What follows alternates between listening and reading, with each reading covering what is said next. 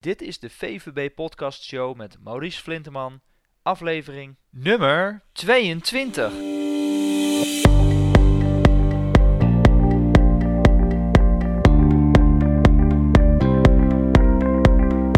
Welkom bij de VVB Podcast Show, waarin je luistert naar experts die je voorzien van de beste informatie, tips en tricks om het rendement op je vermogen te optimaliseren.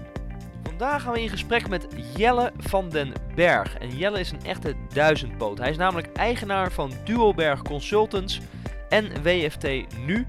En na zijn studie Fiscale Economie in Rotterdam heeft hij 15 jaar als inspecteur bij de Belastingdienst gewerkt. En daarna 5 jaar bij de Rabobank Nederland fiscale zaken daar gedaan. Van 2001 tot 2014 is hij mede-eigenaar geweest van het Instituut Fiscale Kennisoverdracht. Van 1999 tot 2001 was hij bestuurder bij de Nederlandse Orde van Belastingadviseurs. En vanaf 1998 is hij ook nog eens verbonden aan de Erasmus Universiteit te Rotterdam. Uh, onder meer college geeft hij over financiële planning, fiscale economie en masteropleiding financiële planning. En daarnaast is hij ook nog eens hoofdredacteur van het vakblad Financiële Planning. Iemand die dus heel veel ervaring heeft en ons alles kan vertellen over de fiscale consequenties bij beleggen. En ik hoop dat je er eh, zin in hebt. We gaan hele interessante onderwerpen bespreken.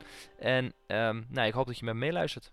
Vandaag in de podcast van VUVB, Jelle van den Berg. Welkom Jelle. Ja, graag. Dankjewel Maurice. Leuk uh, dat je meedoet. En vandaag gaan we het hebben over een uh, ja, interessant onderwerp. Voor uh, veel mensen die vermogend zijn in ieder geval. En dat gaat over de, de fiscale aspecten bij beleggen. En dan misschien niet eens zozeer bij beleggen, want ja, je kunt natuurlijk op meerdere manieren je vermogen invullen. En nou ja, het is natuurlijk zo dat een vermogende particulier of vermogende DGA of, of wie dan ook is eigenlijk altijd op zoek naar mogelijkheden om zijn vermogen natuurlijk zo, zo goed mogelijk in te richten. En daar heb je natuurlijk meerdere thema's voor, meerdere mogelijkheden. Bijvoorbeeld lenen aan kinderen is één, uh, is één daarvan. Uh, misschien kun jij daar wat voorbeelden van geven wat op dit vlak uh, de mogelijkheden zijn uh, om daar wat meer beeldvorming bij te krijgen.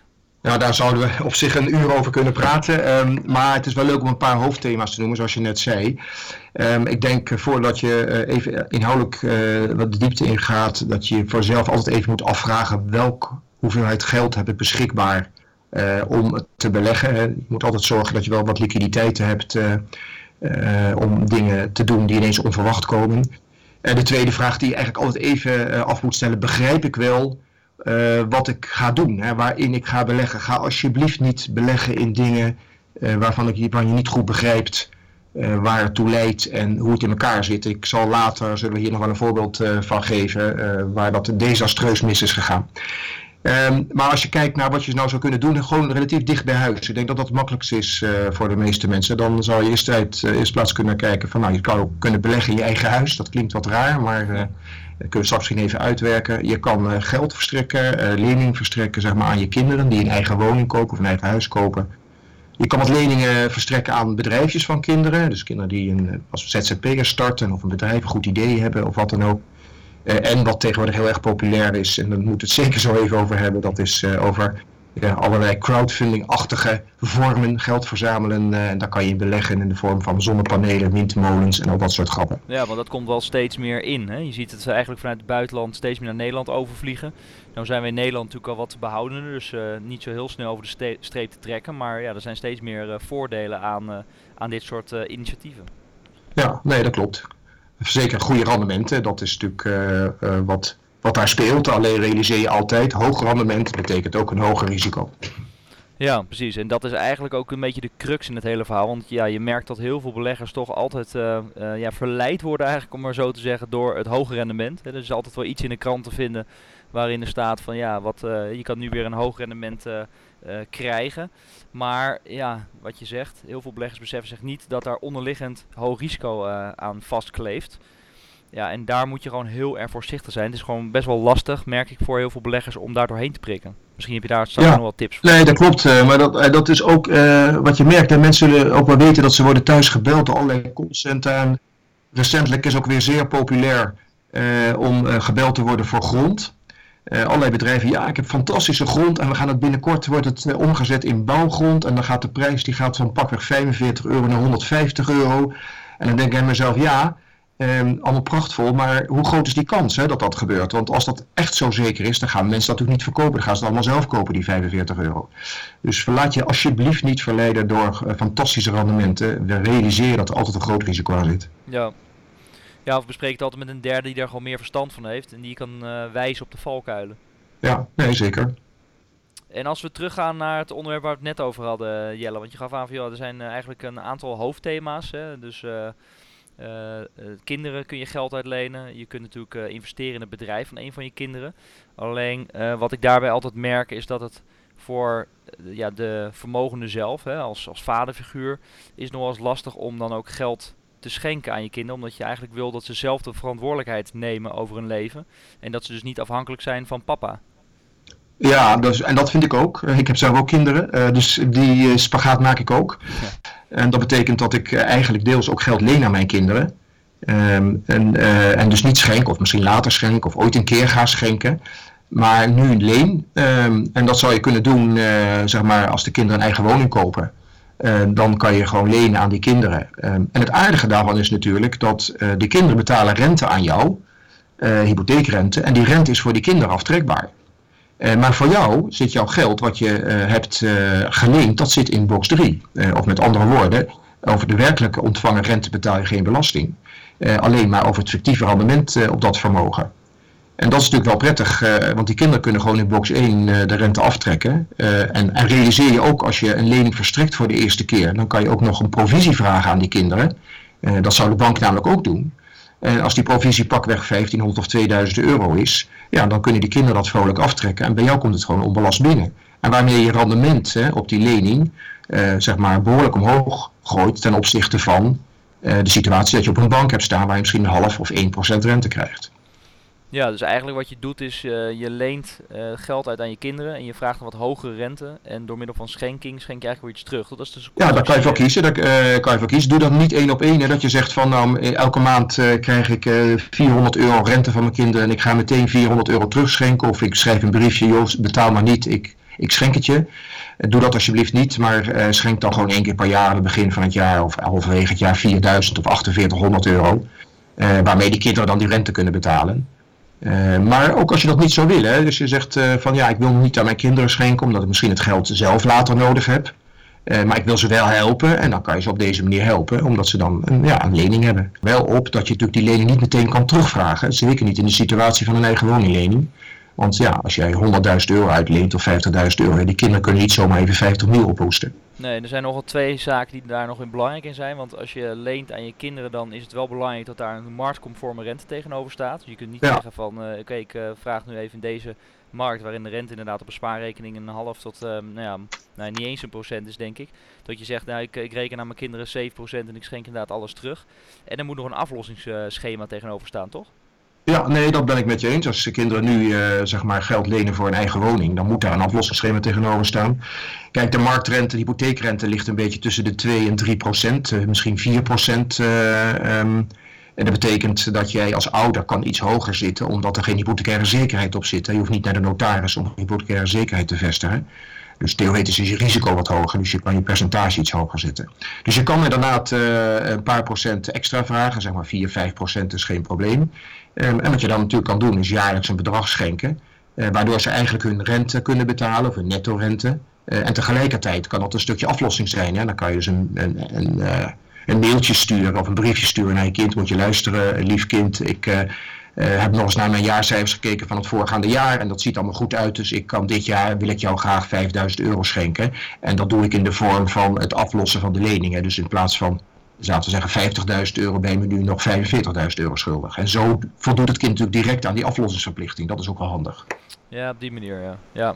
En stel nou, want um, je kunt het vermogen, eh, kun je op de lange termijn kun je niet missen. Um, daar zit natuurlijk ook wel een risico, denk ik. Want op het moment dat je Zeker. zegt als ouder, oké, ik leen het geld uh, de komende 6, 7 jaar, dan is het natuurlijk heel erg leuk voor het kind dat hij tegen misschien een wat lagere rente tot op dit moment uh, kan lenen.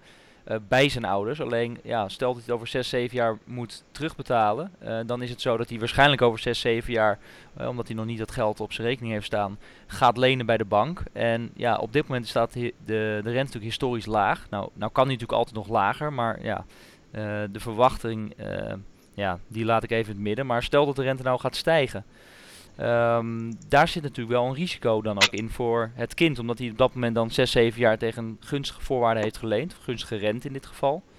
En dat hij dan na 6, 7 jaar uiteindelijk erachter komt van... hé, hey, de rente staat nu op 5%. En ik moet het nu bij de bank tegen een veel hoger percentage gaan belenen. En dit gaat over de long term nog geld kosten ook meer geld kost. Ja, ja nee, dat, dat doet zich natuurlijk voor in de situatie dat je niet schenkt als ouder. Kijk, als je als ouder elk jaar schenkt, dan verdwijnt langzaam die schuld. Ja. Eh, dus dan over 6, 7, 8 of 10 jaar is die schuld natuurlijk vrij klein geworden. En daar speelt dat probleem niet, maar het speelt zeker wel in het probleem dat de ouders niet schenken. En ik denk dus ook dat je goed moet nadenken als ouder en als kind of je dit risico wil nemen. Want jij schetst wel heel makkelijk dat het kind over 6 à 7 jaar dan een extra hypotheek kan krijgen. Maar ook dat is nog maar de vraag hè, bij de bank. Ja, precies. Uh, want we weten dat helemaal niet. We kennen de inkomenspositie niet over 7 jaar van het kind. Ben je werkeloos, krijg je erg lastig. Uh, een extra lening. Uh, stort de huizenmarkt over 7 jaar in elkaar. Nou, vergeet het maar, die extra lening. Ja. Dus dat zijn onzekerheden als ouder en als kind. Dus daar moet je van tevoren over nadenken. Uh, en je moet ervan uitgaan als ouder dat je niet zo makkelijk het geld eruit haalt. Je helpt je kind en misschien jezelf door een redelijke opbrengst, maar je hebt het niet zo snel liquide. Nee, precies. Dus uh, flexibeler uh, word je er niet van. Alleen je hebt wel met nou ja, meer zekerheid, denk ik. Ja, daar mag je op zich wel van uitgaan als, als je eigen kind is, afhankelijk van het kind natuurlijk. dat je uiteindelijk over de lange termijn ja. geld terugkrijgt. Ja. Ik, ik, denk dat het iets flexibeler ligt bij een lening aan een bedrijf van een kind. Hè. Daar kan je een, ook een lening verstrekken. Uh, maar daar moet je ook een leningsovereenkomst uh, maken. Doe dat alsjeblieft wel, anders kan je fiscale problemen krijgen. En in die leningsovereenkomst leg je natuurlijk vast het rentepercentage, maar ook een aflossingsschema. En dat kind, dat mag je aannemen, heeft dan een bedrijf. Dat bedrijf gaat winst maken op enig moment en kan daarmee ook aflossen. Uh, en daar heb je denk ik misschien iets meer flexibiliteit in de aflossing, omdat je niet... je hebt een kortere termijn natuurlijk vaak om af te lossen. leningen aan bedrijven zijn meestal vijf of tien jaar. Eh, en het kind weet dat ook van tevoren. Uh, en dat betekent dat je als ouder, als je een lening verstrekt aan een bedrijf, uh, dat je dan wat sneller je geld terug kan hebben. Maar de risico's blijven dan nog steeds ook wel dat het niet kan als het slecht gaat met het bedrijf. Ja, en is het dan ook zo, want normaal gesproken als je als bedrijf zijn natuurlijk een lening afsluit, dan is de rente die je daarvoor betaalt is ook hoger dan als je bijvoorbeeld een hypotheek aanschaft. Of aanschaft als je een hypotheek neemt. Uh, geldt dit dan ook voor ouders dat ze dan een hogere rente in rekening kunnen brengen en dus ook een hoger bedrag weer kunnen schenken? Ja, ik, ik, ik, ik zou het liefst wil ik die koppeling met die schenking losmaken, want dat kan natuurlijk altijd wel, maar je moet maar kunnen als ouder. Hè? Ja. Dus als het kan is er geen probleem, maar um, als je het niet kan, en dat zal toch in veel situaties het geval zijn, uh, dan leen je met de bedoeling om het TZT terug te krijgen, omdat je daar bijvoorbeeld je eigen pensioenvoorziening voor moet hebben, dan wel de zorgkosten moet betalen. Um, en inderdaad, je kan een hogere rente vragen. 6, 7 procent uh, kan je echt wel vragen aan je kinderen. Dat is, um, en je kan ook nog zeggen, ik ga een stukje terugschenken.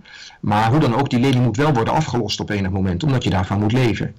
Maar het gaat wat sneller. Maar zorg alsjeblieft wel voor een goede schriftelijke leningsovereenkomst waarin staat uh, dat de rente 6 of 7 procent bedraagt, dat het in 10 jaar wordt afgelost, dus elke maand een beetje. En als het kind niet aflost, uh, ga dan ook proberen om even die aflossing te krijgen. stuur een briefje, je moet wel aflossen. Ga hem helpen herinneren. Dat je een soort ja, invordering klinkt wat zwaar, maar dat is een beetje de gedachte erachter. Anders kan je in de fiscale problemen komen. Ja, helder. Uh, nou, dat zijn eigenlijk de leningen. Uh, nou, misschien heel kort nog even bij beleggen in eigen huis. Ik denk dat best wel mensen die met hoge hypotheken nog zitten, hoge hypotheekrentes zitten, wat, wat vervlogen tijden, zeg maar, van 5, 6, 7 procent, en die op de bank nu 1, 2 procent rente krijgen dat die kunnen overwegen om een stukje van hun geld te gebruiken om af te lossen. Uh, zeker als het een aflossingsvrije lening is. Aandachtspunt is wel even of je een kapitaalverzekering hebt uh, in, het, uh, in het hele gebeuren. Als je, dat, als je dat hebt moet je even wel goed overleggen met de bank of wat dan ook, wat de fiscale gevolgen zijn. Maar heb je dat niet of tot een laag bedrag, dan is te overwegen om een stukje van je eigen geld te gebruiken om af te lossen. omdat je dan in plaats van 1,5, 2% rente die je krijgt op de bank, nu ineens geen 6 à 7% meer betaalt aan hypotheekrente of 5. En dat kan best een netto voordeel zijn. Ook daar weer de waarschuwing, dat doe je voor altijd. Hè? Dus je kan het er niet makkelijk meer uithalen uit je huis. Dus overweeg wel of je het geld binnenkort nodig hebt. En want als je het nodig hebt, moet je dat vooral niet doen. Ja, en in sommige gevallen als je dan meer dan, het hangt natuurlijk een beetje van de voorwaarden af van de hypotheekverstrekker. Moment dat je 10 of 15 procent is meestal uh, tegenwoordig uh, wat je boetevrij kunt aflossen. Als je meer aflost, dan ja. uh, moet je ook even uitrekenen of je... Ja, precies. Dan heb je ook weer een boete. Maar je kan best op 26 december en op 4 januari aflossen. En dan heb je twee jaar. Dus dan heb je al in jouw geval 10 tot 20 procent wat je kan aflossen. Ja. Nou, dat is al best behoorlijk veel. Ja. Dus dat zou een mooi alternatief zijn waar toch best wel veel nou ja, klanten van mij ook naar kijken. Van, is het niet zinvol om dat op dit moment te doen? En dat, ja, dat is natuurlijk een rekensom. En die rekensom is natuurlijk variabel, want het hangt ook helemaal af van wat gaat de rente doen en wat brengt mijn uh, belegging op dit moment uh, op als ik het niet in mijn huis terugstop. Ja, nee, mee eens. En dat, is, dat weet je gewoon niet. Iedereen wil graag de krant hebben van 2020. Maar uh, helaas, helaas. Ja. Helder. Um, en dan is het denk ik goed om ook eventjes te kijken uh, naar de constructies die je hebt als je nou ja, in privé of in de BV wil gaan beleggen.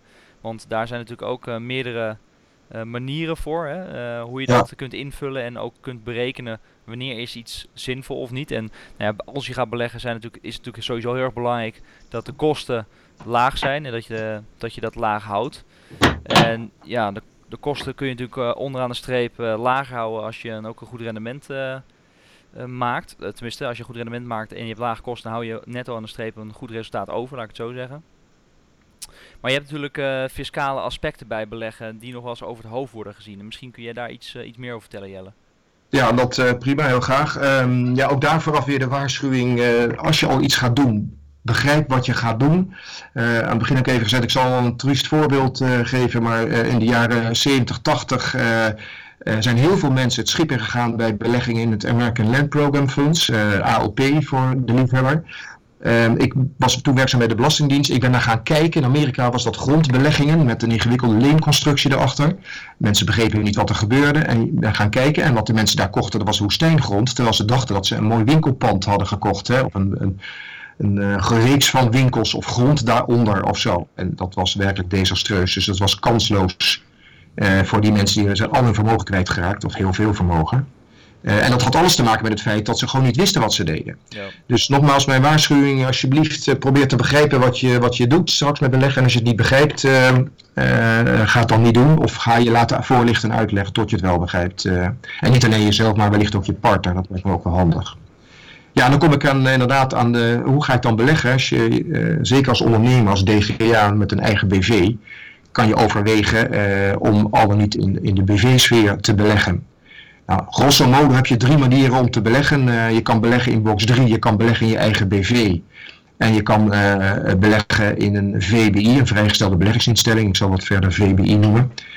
Um, en, en alle drie, uh, dat, dat heeft zijn voor- en zijn nadelen. Uh, als je binnen box 3 belegt, dan, ja, dan beleg je natuurlijk allemaal op op spaarrekening, op, op, uh, op obligaties, op uh, aandelen wellicht. Maar ja, het probleem is wel even dat je een behoorlijke heffing betaalt in box 3. Om even een idee te geven, dat is een saldo-heffing hoor, er zit een formule voor, daar moet iedereen even aannemen dat het juist is. Maar tot 75.000 euro betaal je 0,86% belasting, los even van vrijstellingen. Nou, tussen 75 en 975.000 1,38 dacht ik. En als het meer dan 975 is, dan betaal je 1,62% belasting.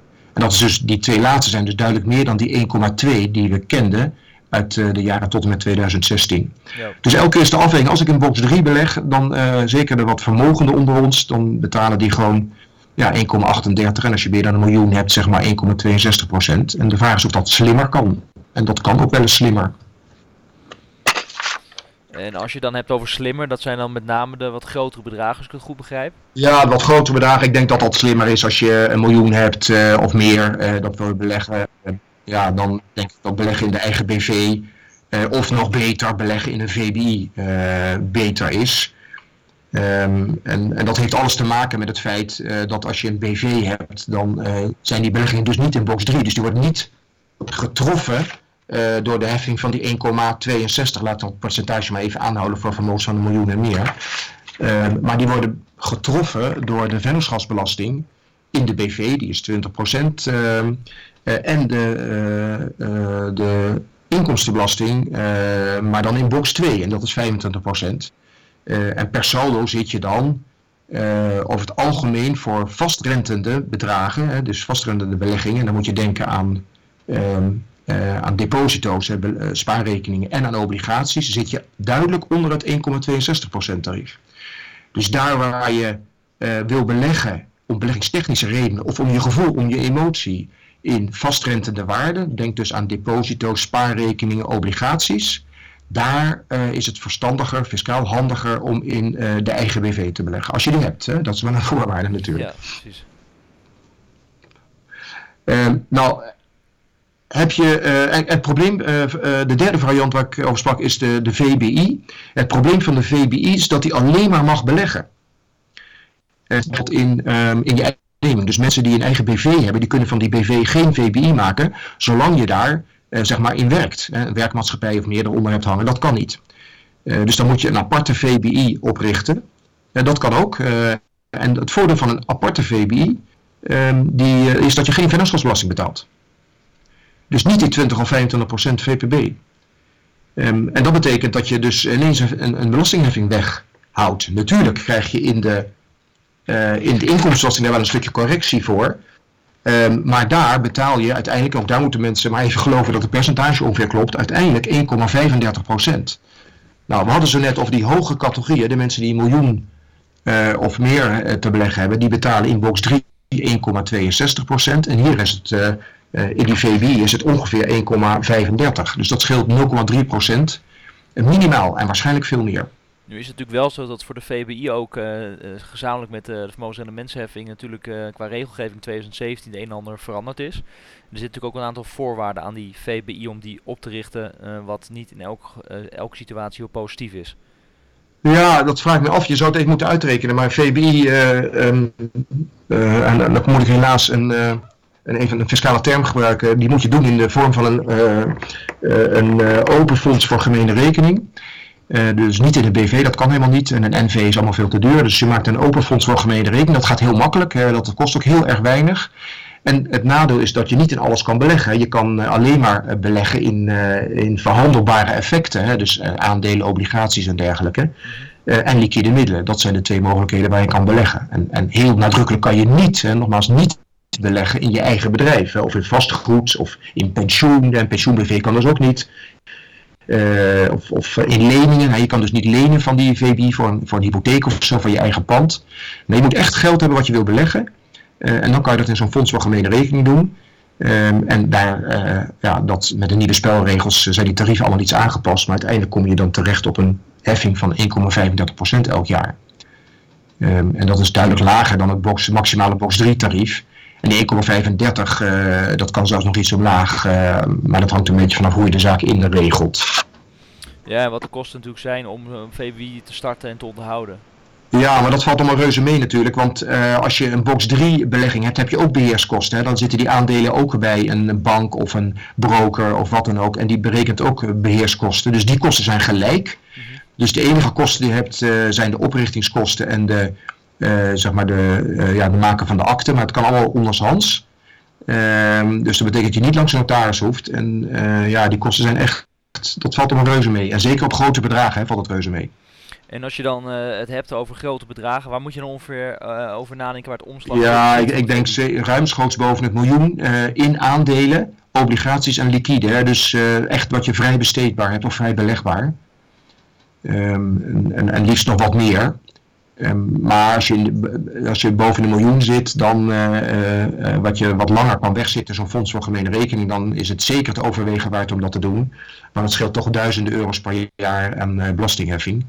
en dat is denk ik wel de moeite waard. Is nog wel één aandachtspunt, denk ik. zo'n fonds voor gemene rekening kan je niet in je eentje doen. Je hebt er minimaal twee leden nodig, uh, waarvan de verhouding ook minimaal 90-10 is. Hè, dus 80-20 kan ook, maar 97-3 kan heel nadrukkelijk niet. Um, en bovendien um, mag het niet met je vrouw zijn, tenzij je op luxe voorwaarden bent gehuwd. En dan kan het wel met je partner, moet ik zeggen, vrouw of man. Uh, en, maar het mag ook met je meerderjarige kind. Hè, dus op die manier hou je toch een beetje een familiegevoel uh, intact. wat voor de veiligheid misschien wel prettig is en de vertrouwensband die je hebt. Maar je kan dus niet in je eentje. Uh, wat in een BV wel kan, beleggen in je eigen BV kan je ook wel in je eentje doen. Dat kan je weer niet in zo'n uh, in zo'n VBI. Dan moet je minimaal twee uh, aandeelhouders of vennoten hebben. Ja, dat is wel, uh, wel een belangrijk punt dus. Maar uh, dat is ook iets wat ik bedoelde met de beperkende voorwaarden. Ah, ja, ja, sommige, okay, ja. sommige beleggers of sommige vermogende particulieren vinden dat niet zo'n prettig idee. Omdat ze dan natuurlijk uh, niet volledig de controle voor een gevoel hebben. En dan moet je inderdaad, ja. ja, ga je richting die vertrouwensband. En dan is de vraag, ja, wie is dat en hoeveel vertrouw je diegene?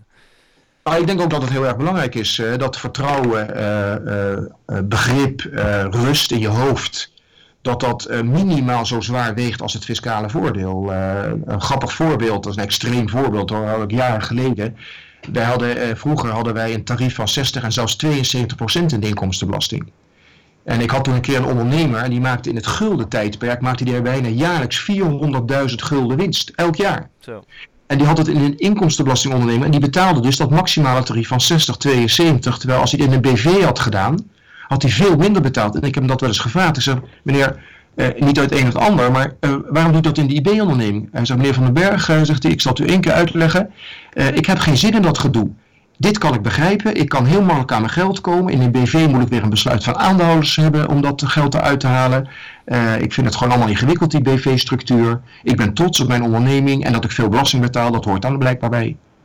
Ja. En, en dan was hij mee rustig in zijn hoofd. Hè. Hij, vond het overzichtelijk, hij kon er zelf makkelijk mee spelen. hij was daar rust, hij sliep er goed door.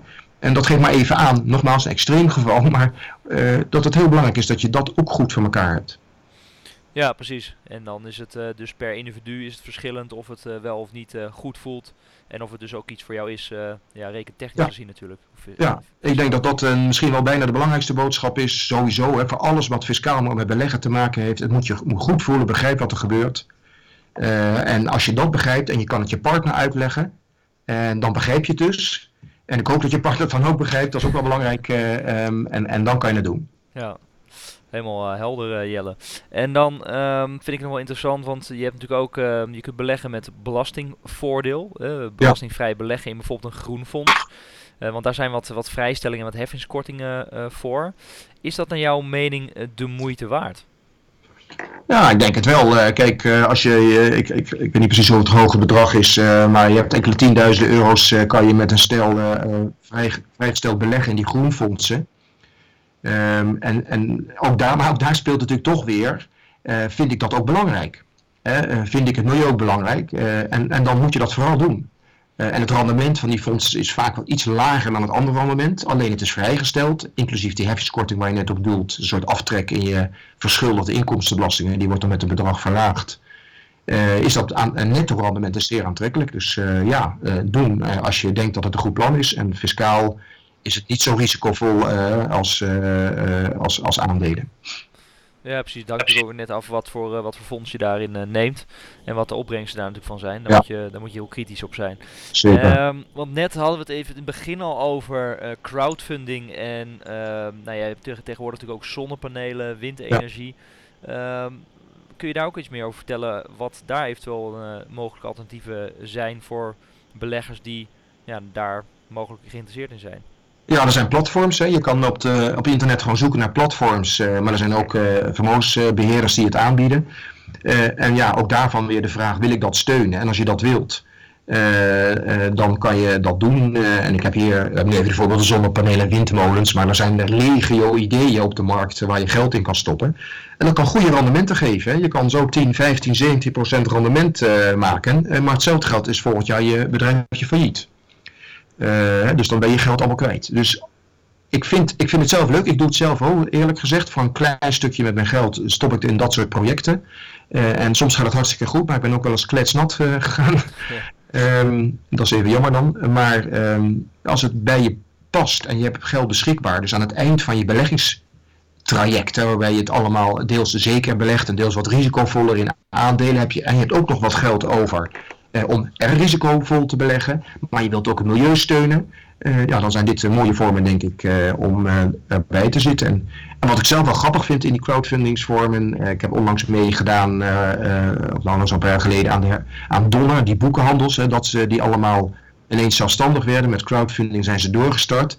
Dan krijg je een, een beetje dividend of niet, maar je kan ook gratis naar een, naar een jazzavond die daar wordt gehouden. Of je kan nog eens een keer een boek kopen met heel veel korting als een soort rendement op je belegging. Ja. En dat vind ik ook wel aardig in een aantal van dit soort projecten. Je zit er heel dichtbij en dat maakt het ook wel heel leuk. Waardoor het ook uh, meer om de ervaring gaat en om het, ja, het brede Ja. vlak van ondersteuning van de samenleving. Ja, en het gunnen inderdaad. Je gunt dan als aandeelhouder en eh, in dit geval een boekhandel eh, een doorstart. En eh, ja, eh, nou, dat, dat geeft ook eh, voldoening, zeg maar. Dat is dus ook waarde. En ik hecht daar dus zelf persoonlijk aan, maar iemand anders kan er volstrekt anders in zitten. Ja. ja, en bij dit soort initiatieven is het eh, dus met name ook de spreiding. Hè? Dus je er niet op één paard wet, maar dat je er misschien eh 10 Ja. of 20 neemt, is, is dan denk ik ook van belang. Absoluut. Eh, Ja. Zodat je niet op de verkeerde gokt. En inderdaad, wat je in het begin al zei, van ja, ik doe het met een klein bedrag. En voor iedereen is een klein bedrag natuurlijk anders, maar doe het dan met een klein percentage van je vermogen. Nee, ik denk sowieso. Dat vind dat een belangrijk punt wat je daar aanhaalt. eh, dat je vooral blijft spreiden. eh, dat als ergens iets misgaat, eh, dat het dan niet meteen een debakel is voor je hele familie. Ja, exact. En Jelle, want daar zijn we altijd ehm, op zoek, een beetje aan het einde van de podcast. Ehm, je hebt net al een paar belangrijke inzichten gegeven. Maar wat is nou een hele belangrijke levensles die jij hebt gehad in je leven, die jij nou, in je werkzame leven hebt opgedaan, die jij graag zou willen delen met eh, de luisteraars van deze podcast? Eh, nou, het meest dramatische is wel dat ik eh, een keer meegelopen, ik heb het een paar keer gedaan en meegelopen met een hype.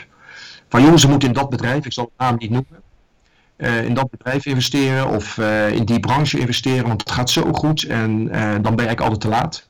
Maar bovendien had ik daar dus te veel geld in gezet en dat ging toen ook helemaal mis. Het bedrijf ging failliet.